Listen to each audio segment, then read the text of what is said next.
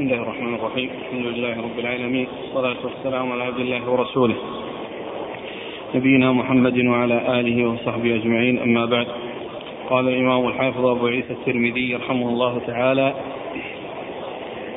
قال في جامعه باب ما جاء في لبس الفراء قال حدثنا إسماعيل بن موسى الفزاري قال حدثنا سيف بن هارون البرجمي عن سليمان التيمي عن أبي عثمان عن سلمان رضي الله عنه أنه قال سئل رسول الله صلى الله عليه وآله وسلم عن السمن والجبن والفراء فقال الحلال ما أحل الله في كتابه والحرام ما حرم الله في كتابه وما سكت عنه فهو مما عفى عنه. قال أبو عيسى وفي الباب عن المغيرة رضي الله عنه.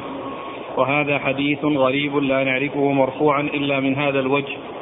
وروى سفيان وغيره عن سليمان التيمي عن أبي عثمان عن سلمان قوله وكأن الحديث الموقوف أصح. وسألت البخاري عن هذا فقال ما أراه محفوظا روى سفيان عن سليمان التيمي عن أبي عثمان عن سلمان موقوفا. قال البخاري وسيف بن هارون مقارب الحديث وسيف بن محمد عن عاصم ذاهب الحديث. بسم الله الرحمن الرحيم. الحمد لله رب العالمين وصلى الله وسلم وبارك على عبده ورسوله نبينا محمد وعلى آله وأصحابه أجمعين أما بعد.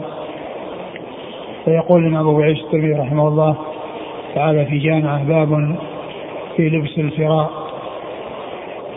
والفراء يراد بها ما يتخذ من جلود بعض الحيوانات مثل مثل الأرانب والظباء مما يجعل بطانة لجبة أو أو ما يشبهها. هذا هو المقصود بالفراء. و وقد أورد أبو عيسى حديث سلمان رضي الله عنه أن النبي صلى الله عليه وسلم سئل عن السمن والجبن. وعن وعن الفراء فقال الحلال ما أحله الله في كتابه والحرام ما حرمه في كتابه وما سكت عنه فهو عفو فهو مما عفى عنه. فهو مما عفى عنه. وهذا فيه بيان أن الحلال الذي أحله الله والحرام هو ما حرمه الله وما سكت عنه فلم يحرم ولم يحل. فإنه يكون حلالا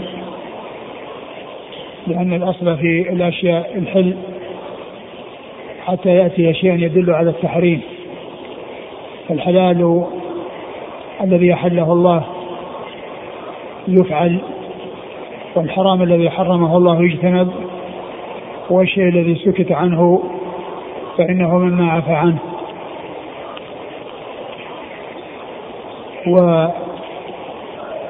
الحديث في إسناده من, من هو متكلم فيه ولكن الحديث له شواهد وقد حسنه أو صححه الشيخ الألباني لشواهده.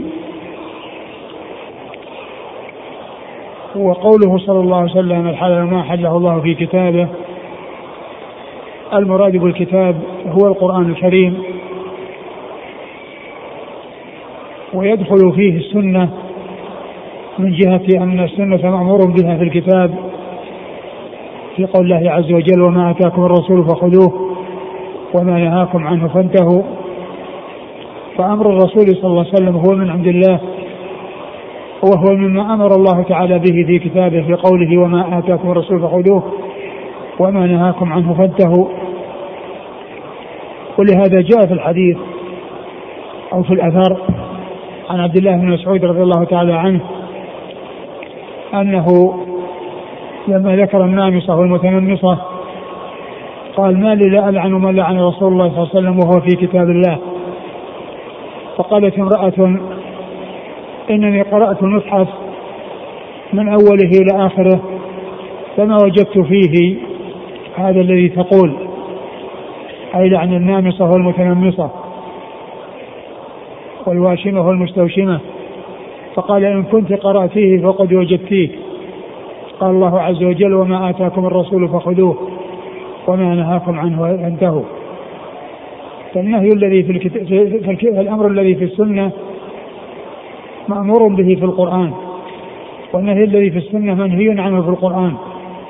وذلك في قوله عز وجل وما آتاكم الرسول فخذوه وما نهاكم عنه فانتهوا. وقال فليحذر الذين يخالفون عن أمره أن تصيبهم فتنة أو يصيبهم عذاب أليم.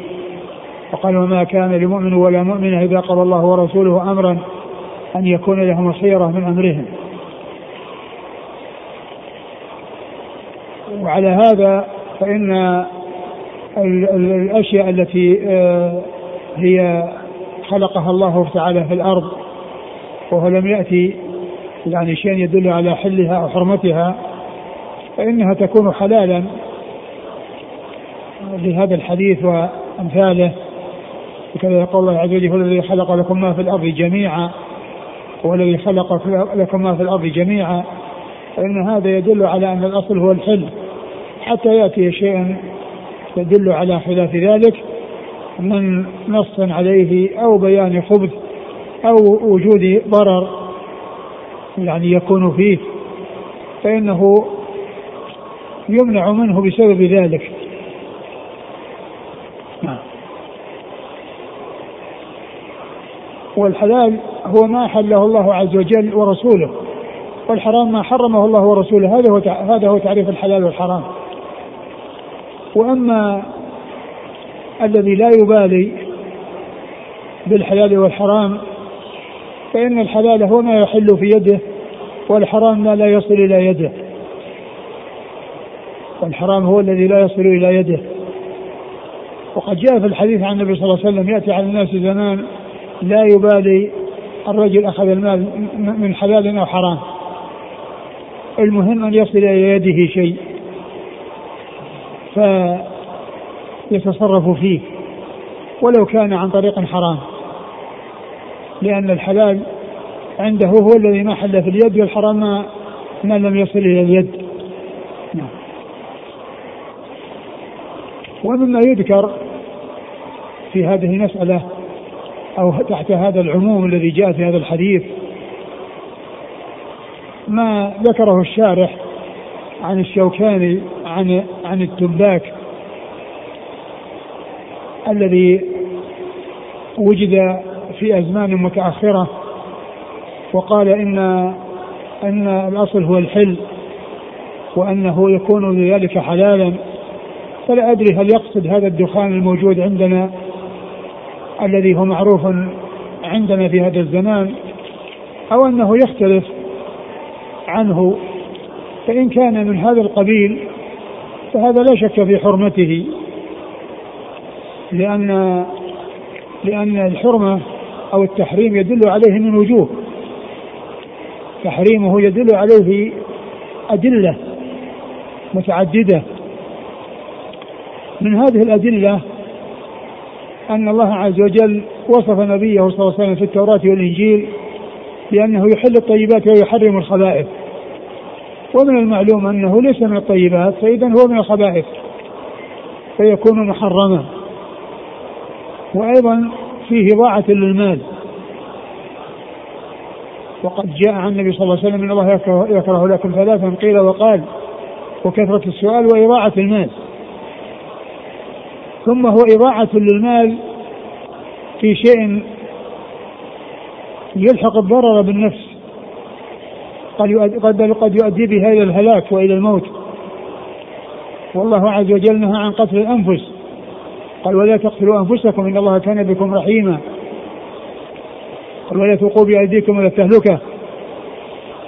ولا شك أن الدخان يأتي بالأمراض ويأتي بالأسقام. وقد يؤدي إلى الوفاة. فيكون حراما لأنه فيه قتل للنفس وإلحاق الضرر بها وجلب الأمراض إليها. وكذلك أيضا رائحته الخبيثة التي تؤذي الناس. وقد قال عليه الصلاة والسلام من أكل ثوما أو بصلا فلا يقربن مسجدنا فإن الملائكة تتأذى ما يتأذى منه الإنسان. ولا شك أن الدخان رائحته خبيثة وأنه مؤذن للناس. و وهذه الأمور المتعددة تدل على تحريمه. ثم أيضا الطب الحديث يعني أثبت ذلك وبين أنه ضار. والأطباء ذكروا ذلك وبينوه وبينوا ضرره وما فيه من الأضرار التي ما كانت معروفة من قبل وإنما عرفت في يعني بواسطة الطب فهو من الأمور المحرمة ومن المعلوم أن الشريعة كاملة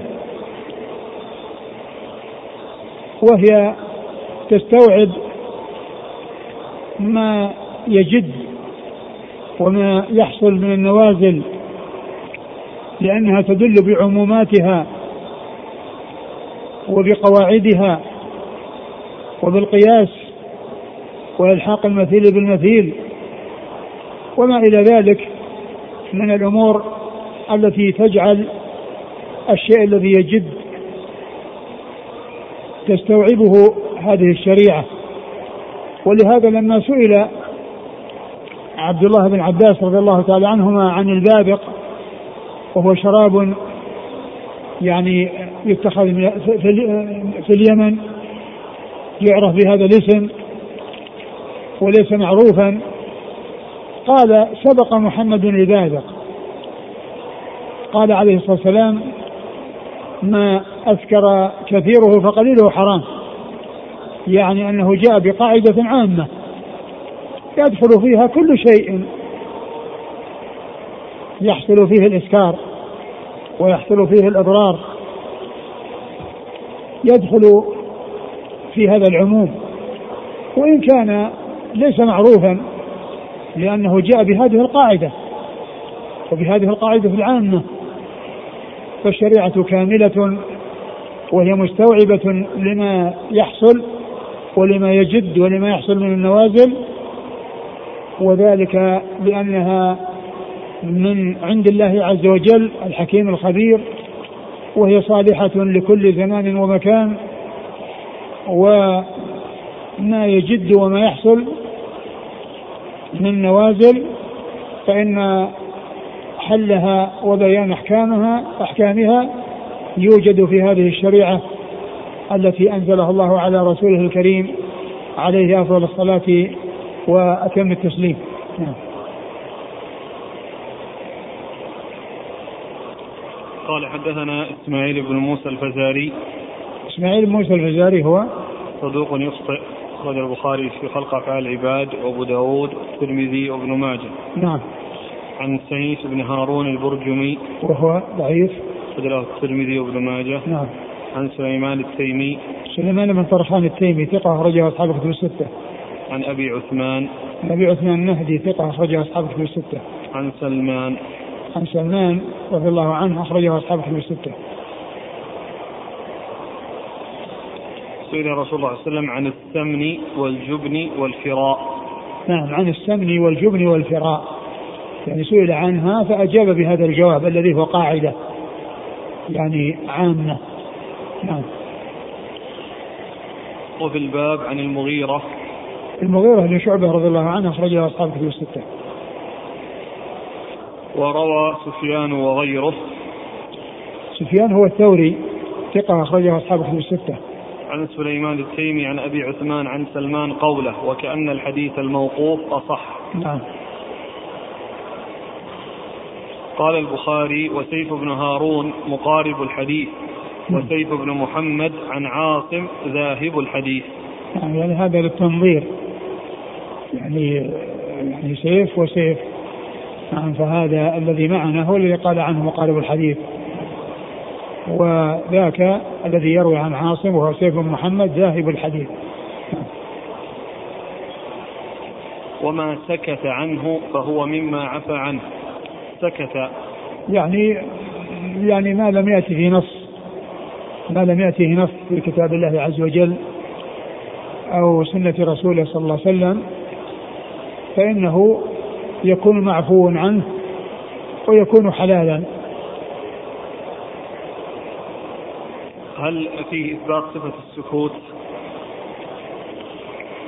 آه، آه، العلماء اختلفوا منهم من قال إنه يعني يدل على هذه الصفة ومنهم من قال إنه ليس إنه ليس فيه صفة وإنما المقصود منه إنه لم يعني آه، يحصل يعني بيان حكمه كما بين الحلال والحرام.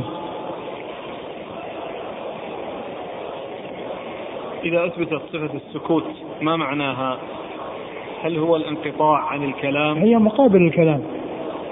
أقول هي مقابل الكلام، هي عدم الكلام وترك الكلام. لكنه يطلق على غير ترك الكلام لأنه يطلق على ما هو عام من ذلك. يقول هل معناها الانقطاع عن الكلام وأن الله يأتي عليه أزمنة لا يتكلم فيها؟ أو المراد بالسكوت الإعراض عن التشريع كما يدل عليه سياق هذا الحديث؟ هو أنا كما قلت أنه يعني المعنى أعم من قضية آه، ترك الكلام. ومعلوم أن الله عز وجل يتكلم إذا شاء كيف شاء. يتكلم كلامه بمشيئته وإرادته. إذا شاء أن يتكلم تكلم.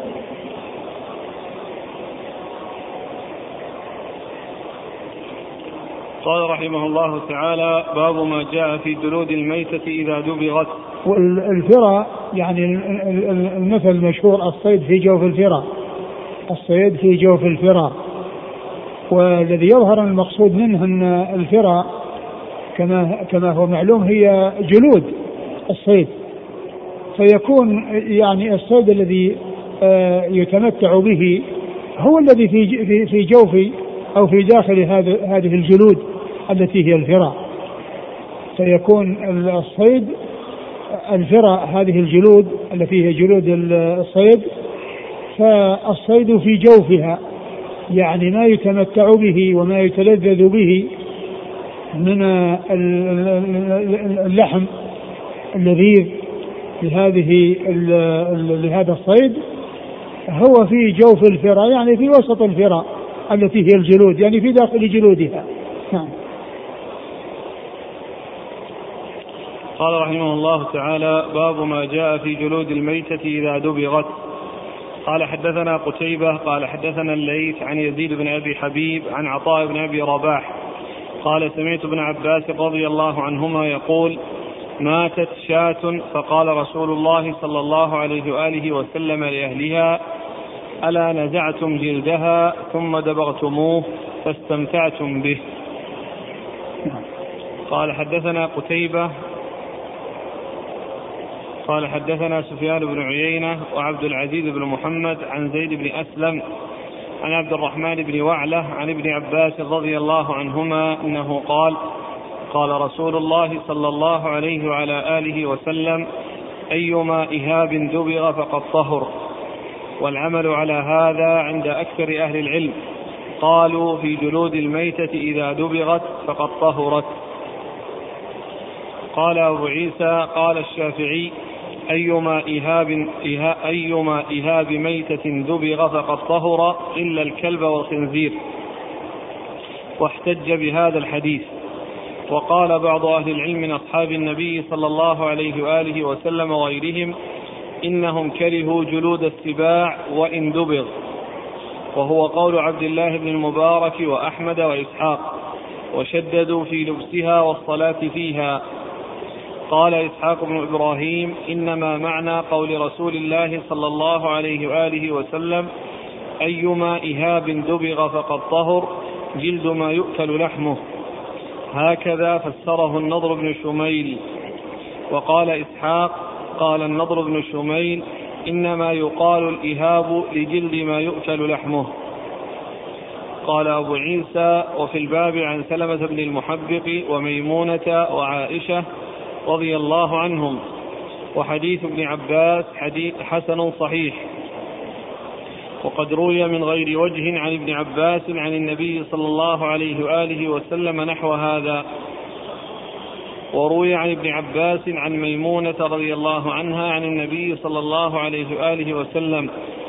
وروي عنه عن سودة رضي الله عنها. وسمعت محمدا يصحح حديث ابن عباس عن النبي صلى الله عليه وآله وسلم. وحديث ابن عباس عن ميمونة.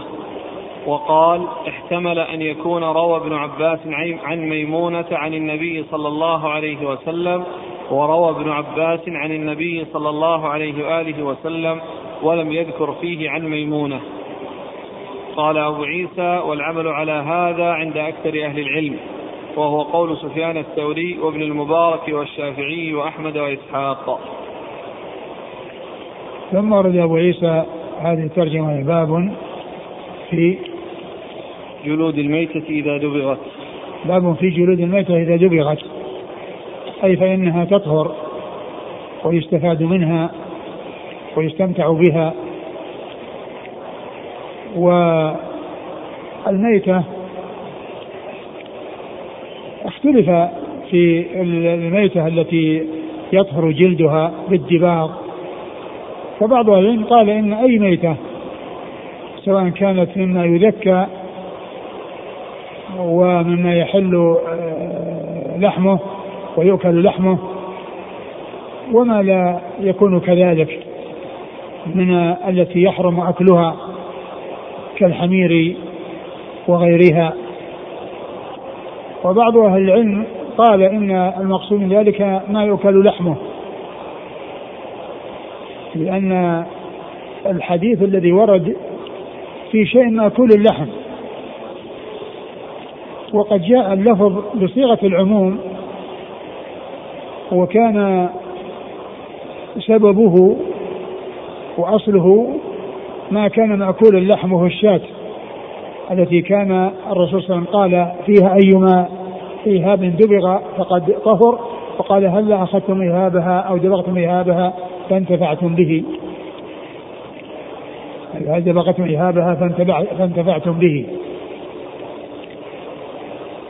والعلماء اختلفوا في هذا. فمنهم من قال إنه يطهر أن كل جلد يعني ميتة فإنه يعني يطهر. وبعضهم قال إن ذلك خاص في مأكول اللحم من بهيمة الأنعام وكذلك الحيوانات الأخرى من الصيد وغيرها مما هو مأكول اللحم. فإنه هذا هو الذي يطهر بالدباغ. لأن لأن لأنه إذا دكي إذا دكي لا يعتبر ميتة. وإذا مات حث نفسه فإنه يكون ميتة. بخلاف الأشياء التي لا يؤكل لحمها فإنها لو دكيت فهي ميتة. يعني كونها تموت بتذكية أو تموت بدون تذكية هي ميتة. وهي يعني نجسة ولا يحل أكلها ولا يحل أكلها. فالمذكى من غير بهيمة من غير ما يؤكل لحمة وغير مذكى سواء. وأما بهيمة الأنعام وغيرها مما يؤكل لحمة فإن تذكيته يخرج يعني يكون بها يعني حلالا ويؤكل لحمه ويستفاد من من, من أجزائه ويستفاد من أجزائه و وأما غير ذلك مما لا يؤكل لحمه فإنه لو دكي فهو مثل المي فلا فرق بينه وبين غير المدكى. وعلى هذا فإن الذي يظهر والله أعلم أن المقصود هو ما كان من جنس الذي أرشد إليه الرسول صلى الله عليه وسلم وهو الشاة التي كانت حلالة كانت يعني لو ذكيت فإنها تكون لا تكون نجسة وتكون طاهرة وإذا ماتت فإنها تكون نجسة ولكن يستفاد من جلدها إذا دبر. وأما يعني غير ذلك كالحمير والكلاب وغير ذلك من الحيوانات التي يحرم أكلها فإنه لا يعني آه لا لا, لا, لا آه، تدبر. ولا تحصل الطهارة لها بذلك. وبعض أهل قال إن أي جلد حتى ولو كان من غير ما يكون لحم اللحم فإنه آه، يطهر ويستفاد آه، منه. نعم.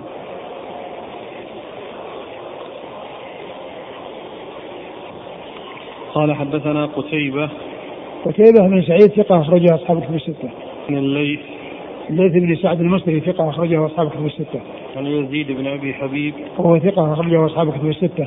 عن عطاء بن أبي رباح وهو ثقة أخرجه أصحاب الكتب الستة. عن ابن عباس وابن عباس عبد الله بن عباس بن عبد المطلب رضي الله تعالى عنهما أحد العباد له الأربعة وأحد السبعة المكثرين من حديث رسول الله صلى الله عليه وسلم. قال حدثنا قتيبة عن سفيان بن عيينة سفيان بن عيينة المكي ثقة أخرجه أصحاب الكتب الستة. وعبد العزيز بن محمد وهو درى وردي صدوق أخرجه أصحاب الكتب الستة. عن زيد بن أسلم وهو ثقة أخرجه أصحاب الكتب الستة. عن عبد الرحمن بن وعلة وهو صدوق أخرجه مسلم وأصحاب السنن. نعم. عن ابن عباس. نعم.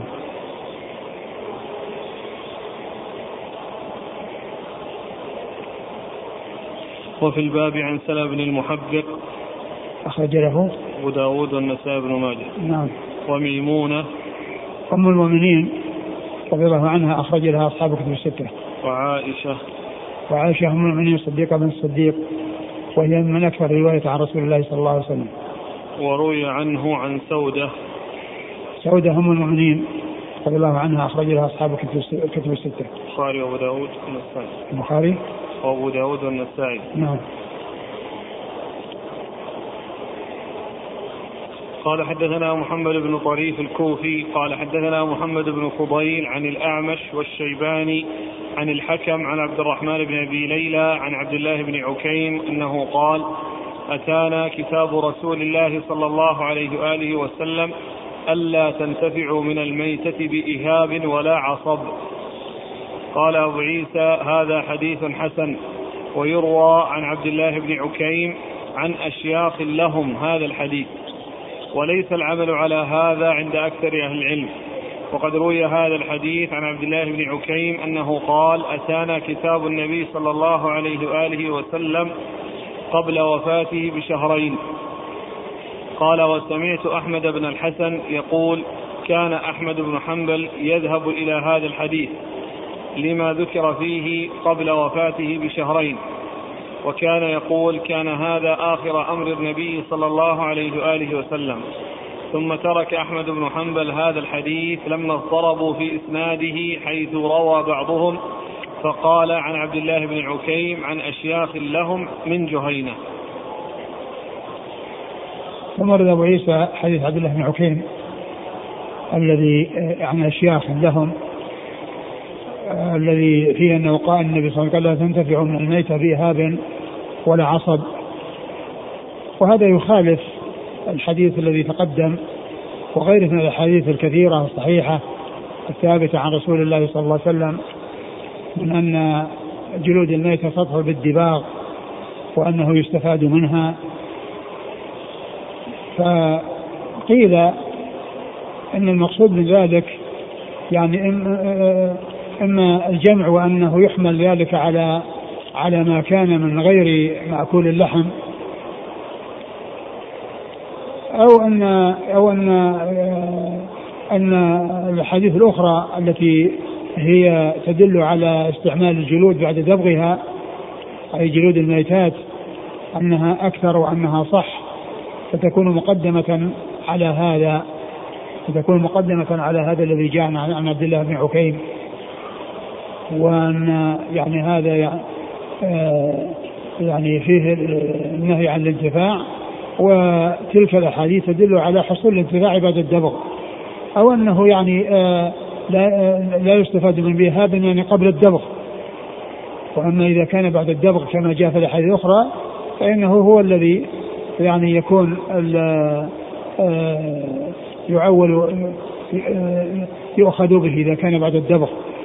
فيكون التوفيق بين هذا في- بعد الدبغ وهذا بدون دبغ. نعم. قال حدثنا محمد بن طريف الكوفي. هو صدوق أخرجه مسلم وأبو داود والترمذي وابن ماجه. نعم. عن محمد بن فضيل. محمد بن فضيل بن غزوان صدوق أخرجه أصحاب الكتب الستة. عن الأعمش. الأعمش سليمان بن مهران الكاهل الكوفي ثقة أخرجه أصحاب الكتب الستة. والشيباني والشيباني هو سليمان. بن أبي بن سليمان أبي سليمان. ثقة أخرجه أصحاب الكتب الستة. عن الحكم. الحكم بن عتيبة الكندي ثقة أخرج له أصحاب الكتب الستة. عن عبد الرحمن بن أبي ليلى. وهو ثقة أخرج له أصحاب الكتب الستة. عن عبد الله بن عكيم. وهو ثقة مخضرم أخرج له. مسلم وأصحاب السنن. نعم.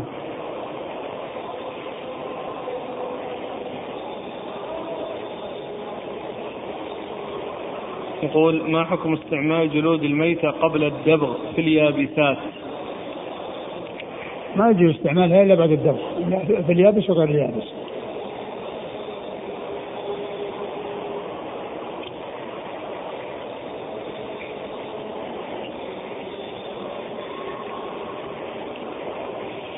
قال رحمه الله تعالى باب ما جاء في كراهية جر الإزار. قال حدثنا الأنصاري قال حدثنا معا قال حدثنا مالك وحدثنا قتيبة عن مالك عن نافع وعبد الله بن دينار وزيد بن أسلم كلهم يخبر عن عبد الله بن عمر رضي الله عنهما أن رسول الله صلى الله عليه وآله وسلم قال لا ينظر الله يوم القيامة إلى من جر ثوبه خيلاء قال أبو عيسى وفي الباب عن حذيفة وأبي سعيد وأبي هريرة وسمرة وأبي ذر وعائشة وهبيب بن مغفل رضي مغفل.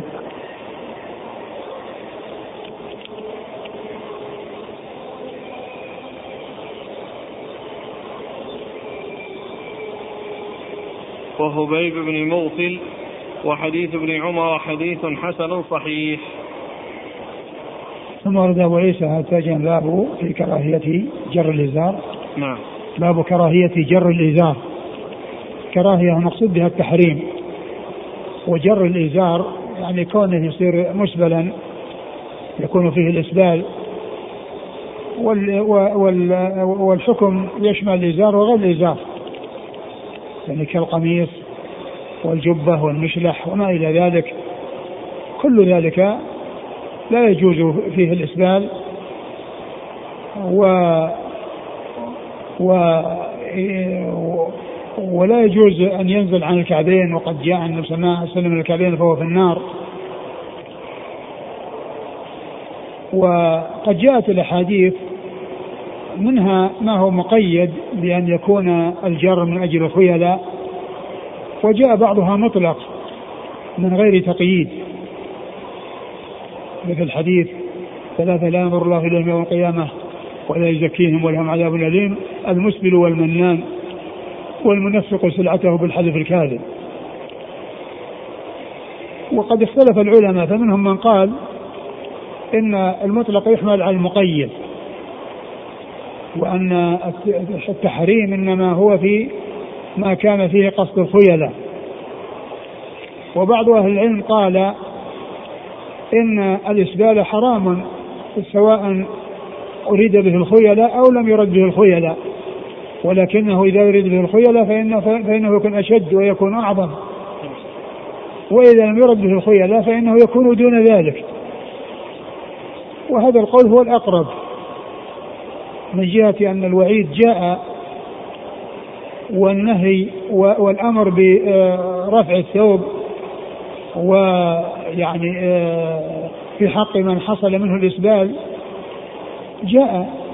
ولم يقل أنت تفعل خيلاء أو ما تفعل خيلاء أو أنه يسأل. ما جاء أنه يسأل قبل أن ينهى وأن يحذر. فهذا يدل على أن الحكم هو التحريم إلا أنه إذا كان معه قصد الخيلاء فإنه يكون أشد. ويكون أعظم.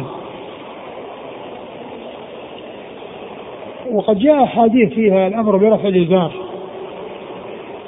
وإنما نص على الإزار. وإن كان القميص وغيره مثله إلا أن الإزار هو الذي يكون فيه مجال للاسترخاء. وقد ويشد الإنسان الإزار على وسطه ويكون فوق الكعبين ثم باسترخائه ينزل.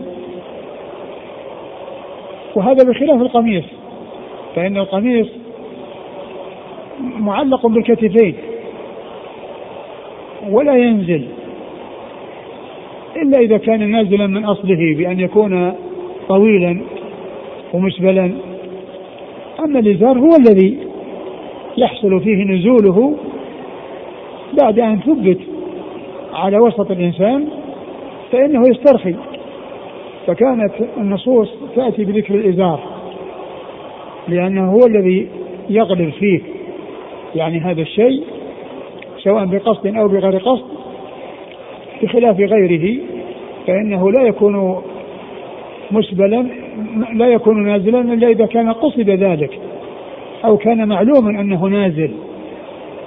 بخلاف الإزار فإنه ينزل يشد الإنسان على وسطه ثم ينزل فيحتاج إلى تعاهد. كما جاء عن أبي بكر إنه كان يسترخي إلا أن يتعاهده.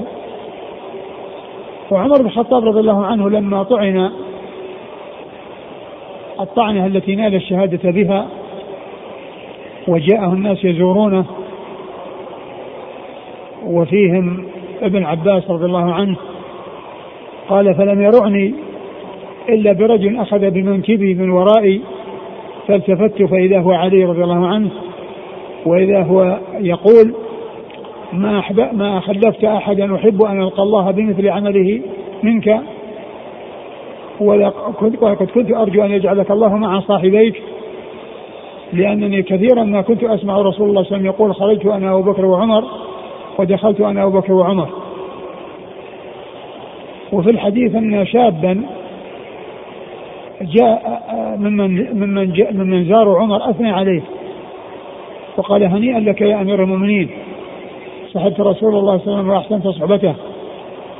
ثم كنت يعني لما ولي أبو بكر يعني يعني عضده أو أو كما قال ثم وليت فعدلت فقال وددت أن يكون ذلك كفافا لا علي ولا لي.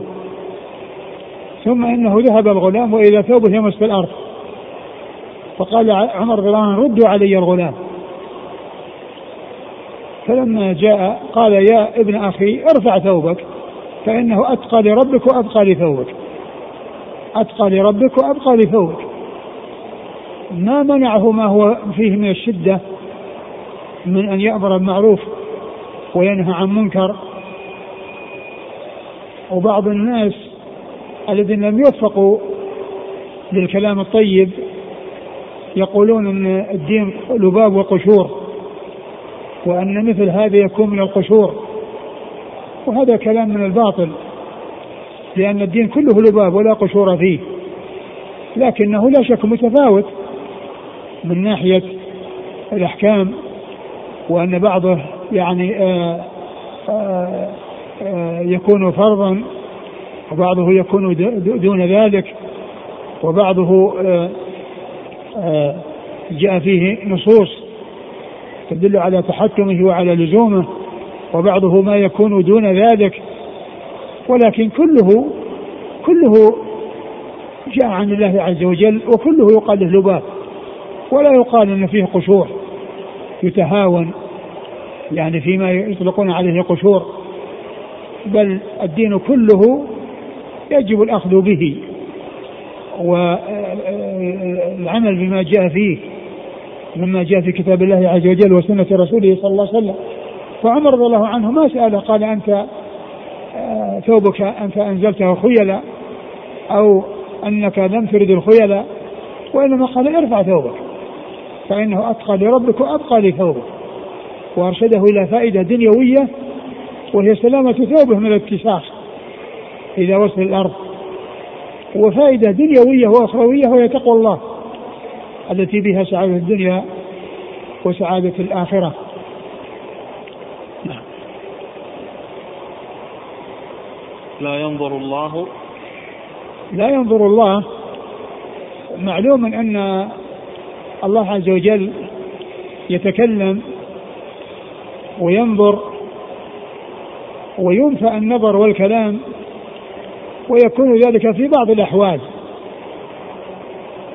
ويكون أيضا على معنى آه على معنى أنه آه النظر الذي فيه الفائدة.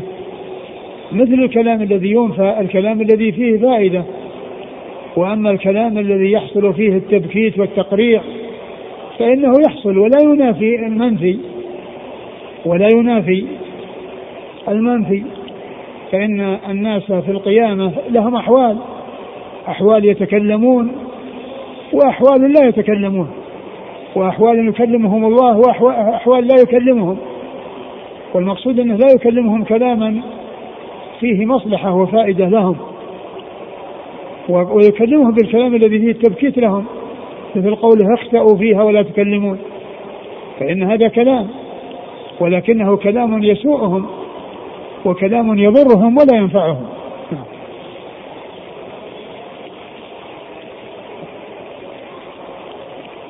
قال حدثنا الأنصاري. الأنصاري هو هو موسى. بن موسى. هو إسحاق. إسحاق بن موسى وهو ثقة أخرجه مسلم والترمذي والنسائي بن ماجه. نعم. عن معن. عن معن بن عيسى وهو ثقة أخرجه أصحاب الكتب الستة. عن مالك. عن مالك بن أنس إمام دار الهجرة أخرجه أصحاب الكتب الستة. قال وحدثنا قتيبة عن مالك. نعم. عن نافع. الإسناد الأول وشو؟ أنصاري عن معن عن مالك. نعم هذا نازل. لأن فيه بين الترمذي وبين مالك واسطتان وأما الإسناد الثاني فهو عال لأنه بينه وبين مالك واسطة واحدة وهو قتيبة. نعم. عن نافع وعبد الله بن دينار. نافع هو مولى بن عمر ثقة. أخرجه أصحاب الكتب الستة. وعبد الله بن دينار ثقة. أخرجه أصحاب الكتب الستة. وزيد بن أسلم. وزيد بن أسلم ثقة. أخرجه أصحاب الكتب الستة. عن ابن عمر. عن ابن عمر رضي الله عنهما أحد العبادلة وأحد السبعة المكثرين من حديث رسول الله صلى الله عليه وسلم. عن حذيفة. حذيفة بن اليمان رضي الله عنهما أخرج له أصحاب الكتب الستة. وأبي سعيد. أبو سعيد سعد بن مالك بن سنان الخدري أحد المكثرين من حديث رسول الله صلى الله عليه وسلم. وأبو هريرة أبو هريرة أكثر الصحابة حديثا. وسمرة سمرة بن جندب أخرج له أصحاب الكتب الستة. وأبي ذر أبو ذر جندب بن جنادة أخرج له أصحاب الكتب الستة. وعائشة عائشة أم المؤمنين مر ذكرها. وهبيب بن مغفل نعم. وهبيب بن مغفل وهبيب بن مغفل أخرج له نعم. نعم. ما الذكر؟ نعم.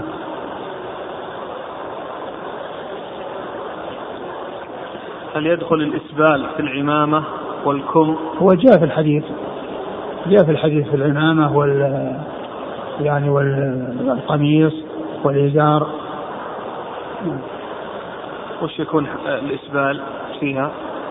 يعني كونه نزول يعني نازل كثير مو لازم إن العمامة إنها تصل الأرض وتسحب. ولكن يعني كونه ينزل يعني نزولا فاحشا. نعم.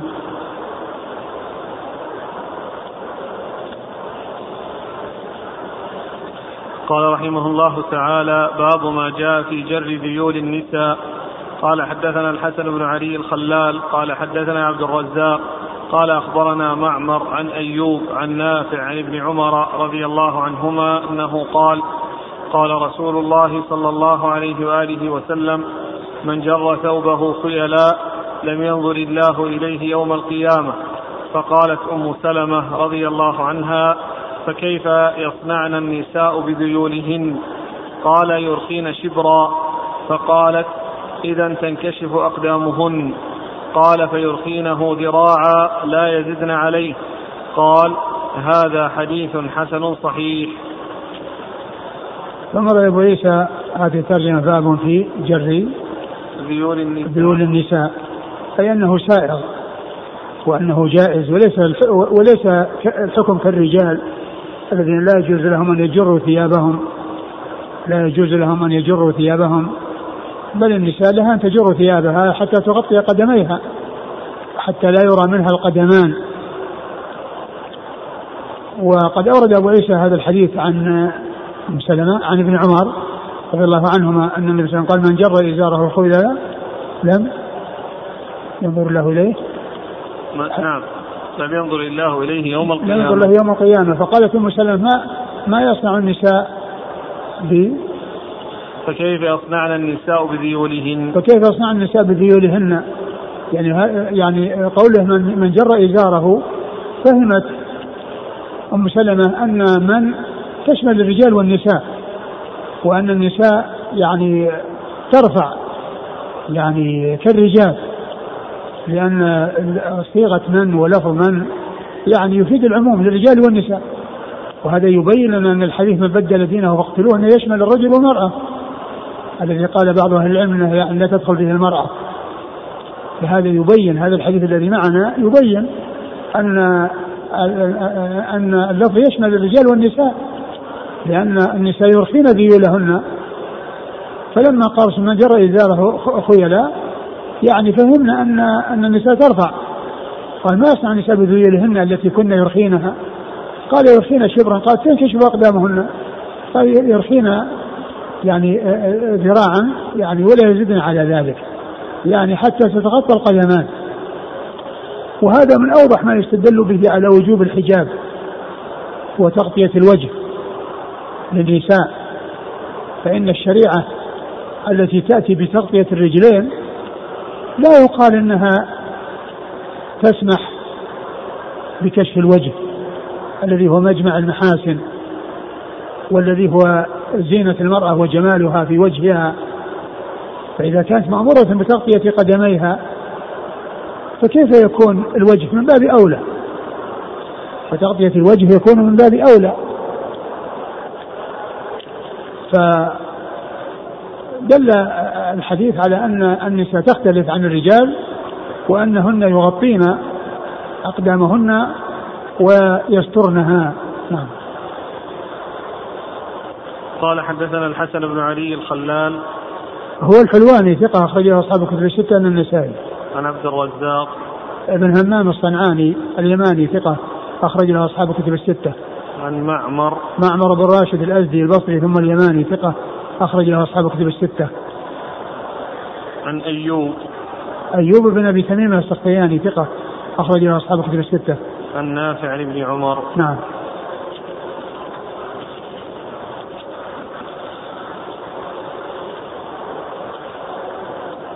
قال حدثنا إسحاق بن منصور قال أخبرنا عفان قال حدثنا حماد بن سلمة عن علي بن زيد عن أم الحسن أن أم سلمة رضي الله عنها حدثتهم أن النبي صلى الله عليه وآله وسلم شبر لفاطمة شبرا من نطاقها قال أبو عيسى وروى بعضهم عن حماد بن سلمة عن علي بن زيد عن الحسن عن أبيه عن أم سلمة.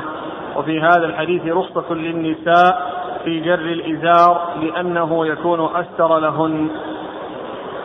ثم رد أبو عيسى هذا الحديث عن أم سلمة. أم سلمة رضي الله عنها أن النبي صلى الله عليه وسلم شبر لفاطمة من نطاقها يعني يعني الذي آه، تنزله حتى يغطي قدميها الذي آه، تجعله يغطي قدميها يعني بين لها مقدار لأنه جاء كما في الحديث السابق يعني شبرا يعني فإنها ذراعا يعني مع الشبر.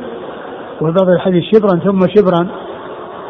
وهذا يعني آه، فيه شبر لها يعني إما أن يكون شبر لها شبرين أو شبر لها الشبر الأخير الذي يكون به تغطية القدم. الذي يكون به تغطية القدم. وهو دال على ما دل عليه الحديث الذي قبله من أن النساء تجر ذيولهن لتغطي أرجلهن ولا تبديها لا تبدي لا تبدي يعني رجليها للرجال. نعم. قال حدثنا إسحاق بن منصور. هو الكوسجي ثقة أخرجه أصحاب الكتب الستة إلا أبا داود. عن عفان. عفان بن مسلم الصفار ثقة أخرجه أصحاب الكتب الستة.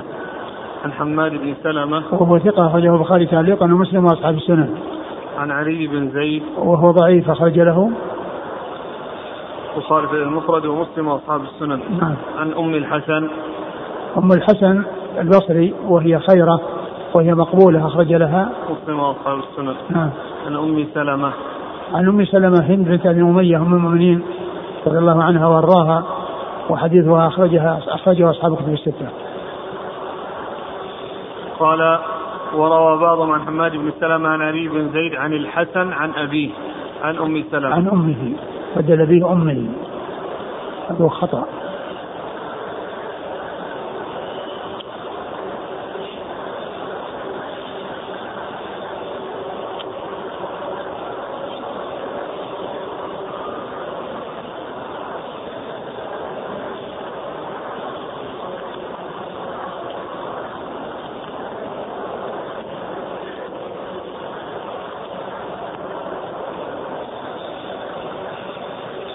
في الحديث الأول يرخينه شبرا. من أين يبدأ الإرخاء؟ من وسط من وسط الساق.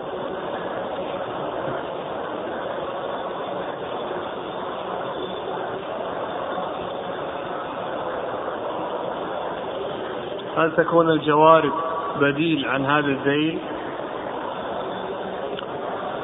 يمكن.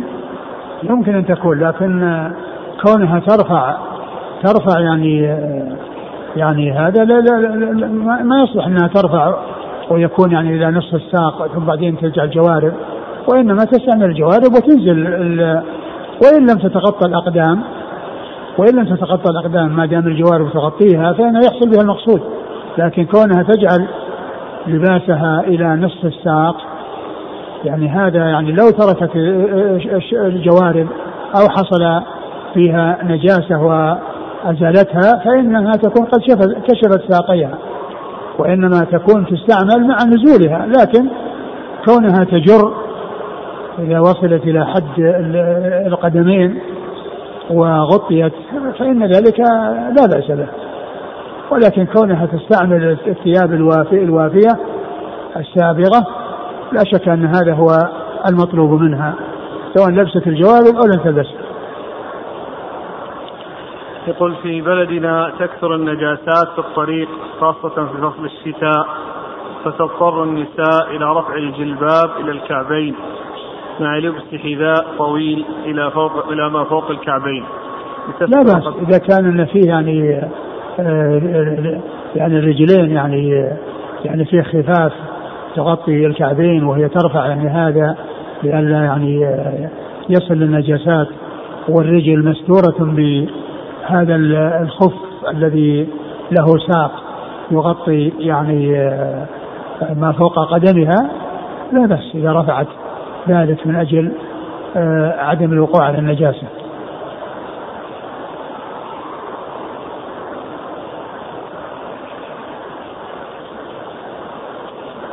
قال رحمه الله تعالى باب ما جاء في لبس الصوف. قال حدثنا أحمد بن منيع قال حدثنا إسماعيل بن إبراهيم قال حدثنا أيوب عن حميد بن هلال عن أبي بردة قال أخرجت إلينا عائشة رضي الله عنها كساء ملبدا وإزارا غليظا فقالت قبض قبض روح رسول الله صلى الله عليه وآله وسلم في هذين قال أبو عيسى وفي الباب عن علي وابن مسعود. وحديث عائشة حديث حسن صحيح. ثم أبو عيسى باب في لبس الصوف. واللباس يلبس المسلم كل أنواع اللباس ما عدا الحرير. كل أنواع اللباس ما عدا الحرير. هذا هو الذي يمنع منه. وغير ذلك من من الصوف والقطن والكتان وغير ذلك كل ذلك يلبسه المسلم ولا مانع منه ولكنه يمنع من الحرير وقد أورد أبو عيسى حديث عائشة رضي الله عنها أن أبا بردة قال إنها أخرجت لهم كساء إيش؟ كساء ملبدا وإزارا غليظا. كساء ملبدا قيل مرقع. وإيش؟ ورداء. وإزارا غليظا. وإزارا غليظا. يعني هذا هو لعله محل الشاهد من أجل الصوف يعني أنه غليظ من أجل أنه من صوف نعم. وقالت قبض روح رسول الله صلى الله عليه وسلم في هذين. قبض روح بهذين يعني هذا لباسه لما قبضت روحه عليه الصلاة والسلام. هذا هو اللباس الذي عليه عليه الصلاة والسلام حين توفي وقبض روحه عليه الصلاة والسلام. نعم. قال حدثنا أحمد بن منيع. أحمد بن منيع ثقة أخرجه أصحاب كتب الستة. عن إسماعيل بن إبراهيم. هو بن علية ثقة أخرجه أصحاب كتب الستة. عن أيوب.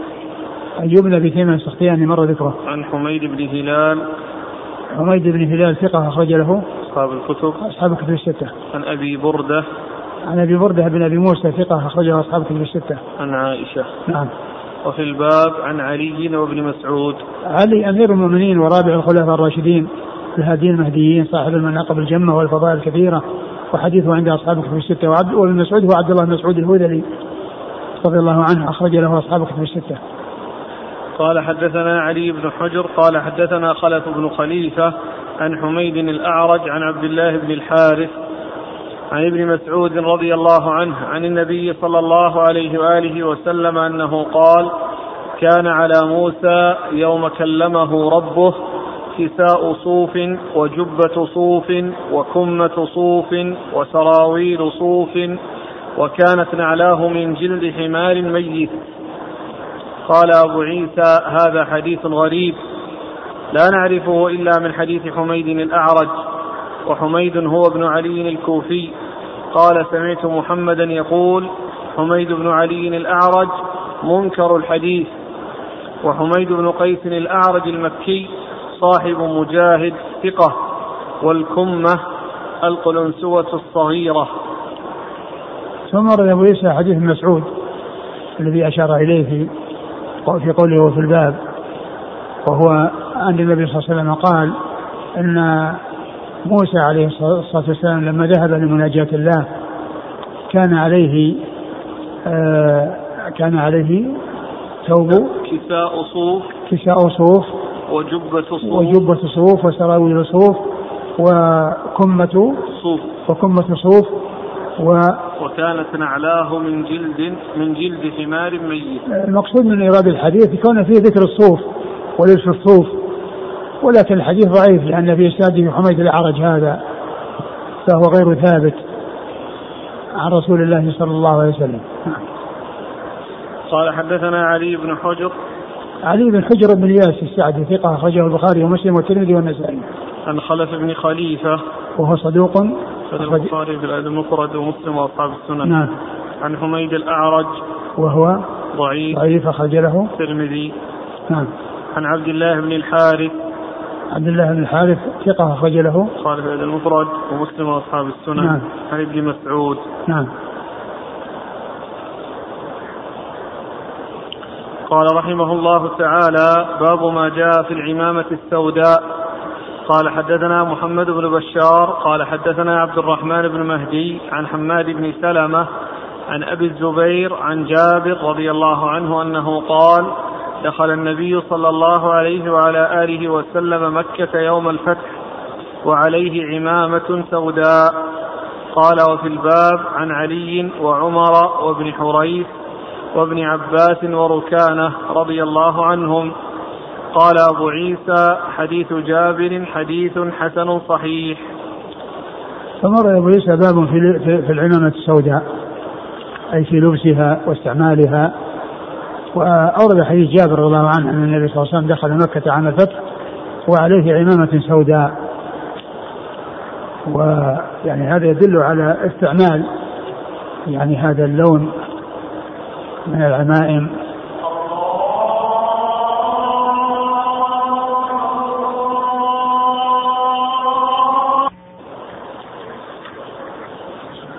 والمسلم يلبس ما شاء من اللباس ومن ألوان اللباس ما لم يكن حريرا أو يكون مزعفرا أو معصفرا أو يكون مشابها للنساء. وأفضل ذلك الأبيض الذي جاء ما يدل على تفضيله على غيره عن رسول الله صلى الله عليه وسلم نعم.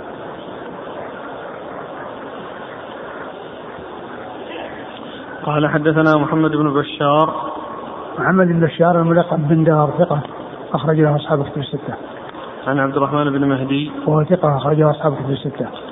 عن حماد بن سلمة عن أبي الزبير أبو الزبير محمد بن مسلم بن تدرس المكي صدوق أخرج له أصحاب الكتب الستة. عن جابر جابر بن عبد الله الأنصاري رضي الله عنهما أحد المكثرين من حديث رسول الله صلى الله عليه وسلم. وفي الباب عن علي وعمر وابن حريث عمر بن الخطاب رضي الله عنه علي مر ذكره وعمر بن الخطاب هو أمير المؤمنين وثاني الخلفاء الراشدين الهاديين المهديين صاحب المناقب الجمة والفضائل الكثيرة وحديثه عند أصحاب الكتب الستة. وابن حريث وهو؟ صحابي أخرج له أصحاب الكتب. واسمه عمرو عمرو بن حريث أخرج له؟ أصحاب الكتب. نعم.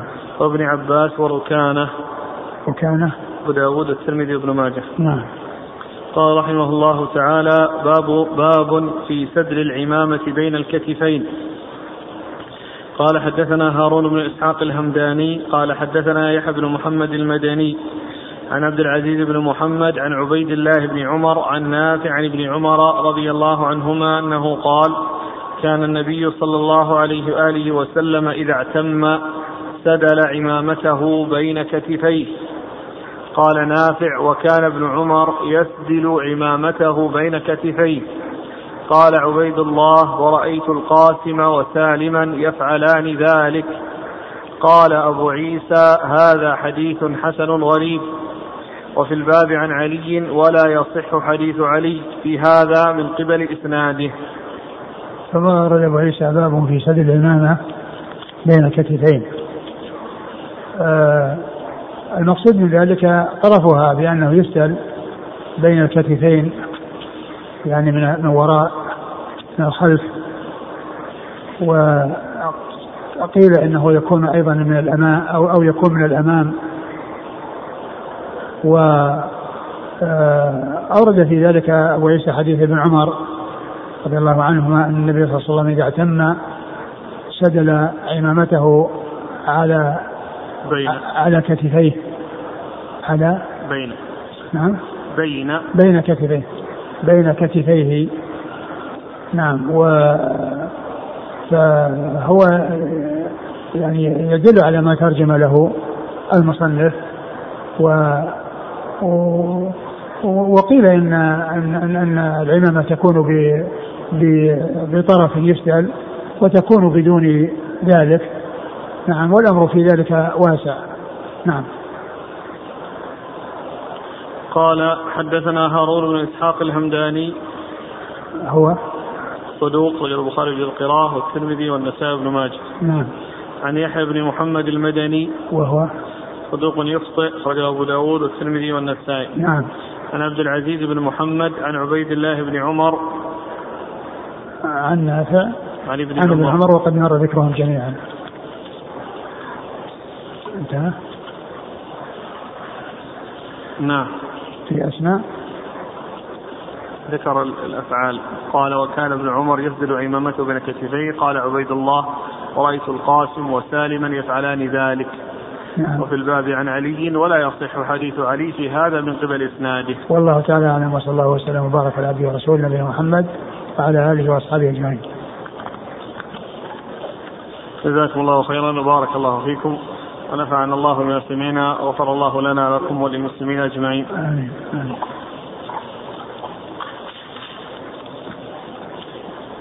هذه آه، فائدة حول سدل العمامة بين الكتفين.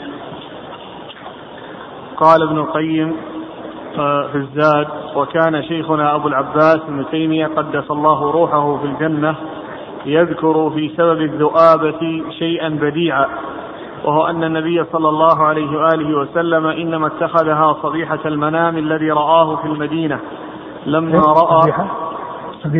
المنام. الذي رآه في المدينة. لما رأى رب العزة تبارك وتعالى فقال يا محمد فيما يختصم الملأ الأعلى؟ قلت لا أدري. فوضع يده بين كتفي فعلمت ما بين السماء والأرض. الحديث وهو في الترمذي وسئل عنه البخاري فقال صحيح.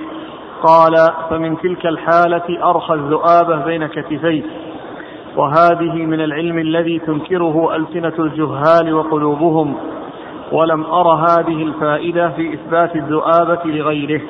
انتهى من الزاد.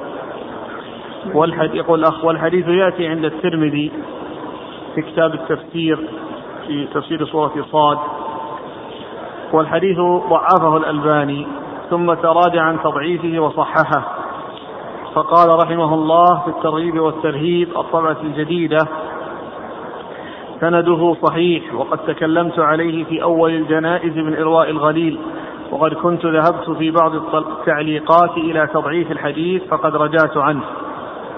وقال في ظلال الجنة أخرجه أحمد قال حدثنا أبو سعيد قال حدثنا جهضم قال حدثنا يحيى قال حدثنا زيد بن سلام عن أبي سلام أنه حدث عن عبد الرحمن عن عبد الرحمن أنه حدثه عبد الرحمن بن عايش به. وهذا إسناد متصل صحيح رجاله ثقات. صححه أحمد بن خزيمة كما في التهذيب. انتهى من الظلال. وقال الشيخ سليم الهلالي في بهجة الناظرين في شرح رياض الصالحين بعد نقله لكلام ابن القيم في الزاد حول الكلام البديع لابن تيمية في الذؤابة قال ومراد شيخ الإسلام بيان تاريخ إرخاء الرسول صلى الله عليه وسلم الذؤابة وليس مراده إقرار ما يظنه بعض الجهال من المتصوفة أن طول الذؤابة تدل على علم الرجل فلذلك ترى أحدهم يطيل ذؤابة عمامته حتى تصل إلى أليته. ناهيك أن هذا الصنيع بهذا الاعتقاد لا يخلو من الرياء وطلب الشهرة. فافهم هذا المقام فإنه مزلة أقدام ومضلة أفهام. بس ما ندري عن قضية يعني ثبوت أن هذا كان في صريحة آه، تلك الرؤيا أنها حصل في هذا. هذا يحتاج إلى معرفة ثبوته وأنه حصل في ذلك الوقت.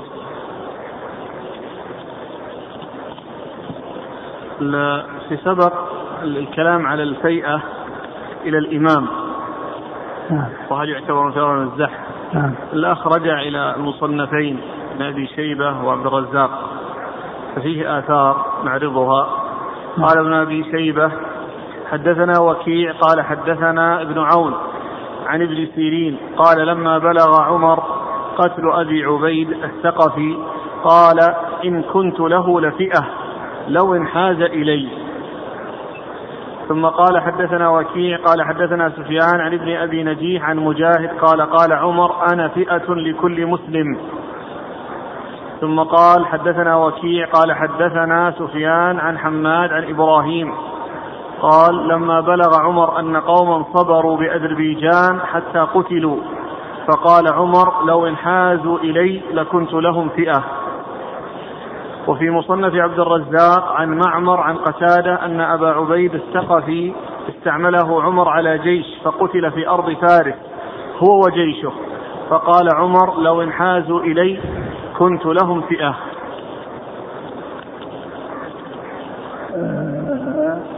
أقول قضية الفرار من الزحف. إذا كان أنهم يعني آه، العدد قليل والمصابرة يعني غير ممكنة وانهزموا فهم معذورون. وإنما الكلام في كونه يعني الناس يقاتلون ثم يفر بعضهم ويترك يعني إخوانه يقاتلون ويقل عدد المسلمين بهذا الفرار ويلحقهم الضرر. أما إذا كان العدد يعني كبير وليس لهم طاقة في مقابلة أولئك وأن بقاءهم يعني يؤدي إلى هلاكهم فإذا يعني انصرفوا فله وجه لأن يعني جاء يعني قضية المصابرة وأن يعني يكون الواحد يصابر اثنين وهو الذي جاء التخفيف عنه. يعني تخفيف في المصابرة في المصابرة في القرآن. فلكن كون يعني بعض الناس ينهزمون ثم يذهبون يعني إلى الإمام هذا لا شك أنه يعني فرار من الزحف. وفيه آه، تعريض لإخوانهم بأن يؤدي ذلك إلى أن ينهزموا مثلهم. وأن يفروا مثلهم مع قدرتهم على البقاء ومع كثرتهم ووجود المصابرة منهم. ف آه، يعني ما كل شيء يعني يقال إن هذا إنه يعني إنه آه، سائغ وأنه جائز. أي أي أي فرار يعني إلى إلى الإمام يعني في في بلده والرجوع عن القتال. هذا فيه تفصيل. الله